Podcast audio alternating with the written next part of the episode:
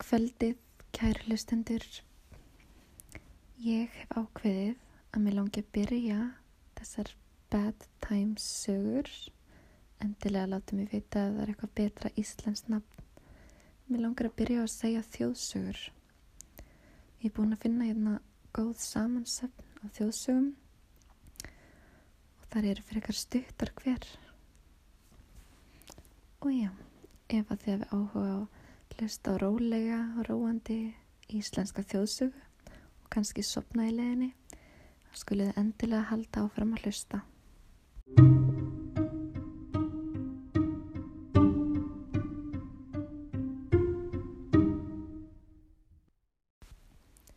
Álfakonan á Fossum Frá 1756 til 1766 byggu hjónafossum í Svartordal. Bóndin hétt Haldur en kona hans Helga. Það var siður bónda að fara að lesta ferð á hverju sumri. Þessi hjónáttu, tvo seni, hétt sá eldri árni sem var sjóra gamal en hinn Jón sex ára. Fyrir sunnan túnið á fyrirnemdu heimili er melhótt eða ryggur sem liggur ofan að lítilli á er rennur út fyrir neðan tónið á fyrrnemdum bæ. En á áðurnemdum rygg er standberg við onna eður þvernýft fram að. Fyrirnemdir drengir hafði það leik eins og börnum er tamt að velta steinum ofan af hálum í onna fram af áminnustum kletti og höfðu mest gaman af að láta þá hlungast í ána því hýlur var neðan undir. Vani konunar var að leggja sér lítið eitt út af því að hún var búin með morgunverk sinn. Einu sinni, þegar hún hafði lagt sér niður og var að festa svefn, þótti henni koma inn á golfið kona á svartri hempu með skautafald á að giska svo sem miðaldra í miðallagi há. En freglega gild. Hún var fasmikil og reyðileg og meldi ég ætla að byggja þig konu kind að passa betur strákana þína og láta þá ekki vera að velta grjótum um bæin minn og gjöra börnin minn vittlaus í hraðslu síðan veikun burt Hinn vaknaði og eins og segir í sögunni dóttist henni sjá eftir hennar. Reys og fætur og hugsaði með sér að þetta væri hegilja því hún hataði alla hjátrú en var skapgerð, gekk þó út og sá drengi sína hvar þeir voru í óða enna velta steinum fram af hólum.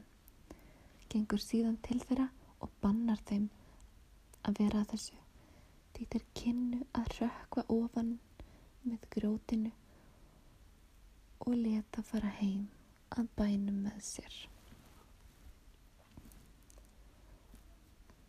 Þar eftir liður fáir dagar, ég man ekki hvort þau voru tveir eða drýr, þá kona þessi hafi lagt sig eftir því sem hún var vön, að hann að dreymir þá fyrirnemdu draumakonu og nú verð en áður. Svo henni bauð óta við og saði ekki eru drengin þínir hættir að ángra mig og börn mín og skaldu þá sjá ef að þú lætur þá ekki hætta þessu. Fór síðan en konan rökk upp, gekk út og sá hver drenginu voru að yðju sinni. Kallar hún þá hast til þeirra og lofar þeim flengingu að þeir geri ekki það ofan rekur þá svo heim á undan sér. En þremutugum síðar lagði hún sig enn út af eftir vana sínum, en í því var hún að sofa. Heyrir hún að gengir inn í baðstofuna og kallað hast.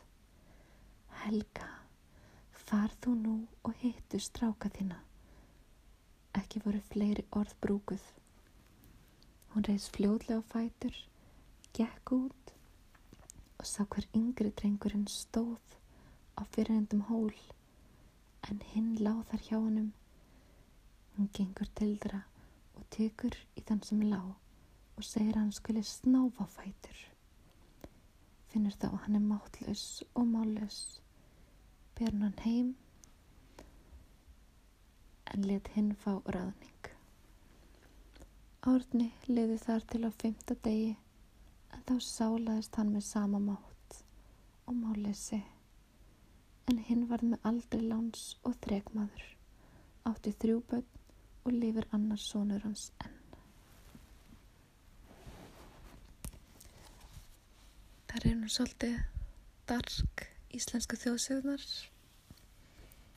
en enga stýr áhugaverðar og áhugavert hvað við höfum breyst mikið sem þjóðfélag og okkar áherslur einnig.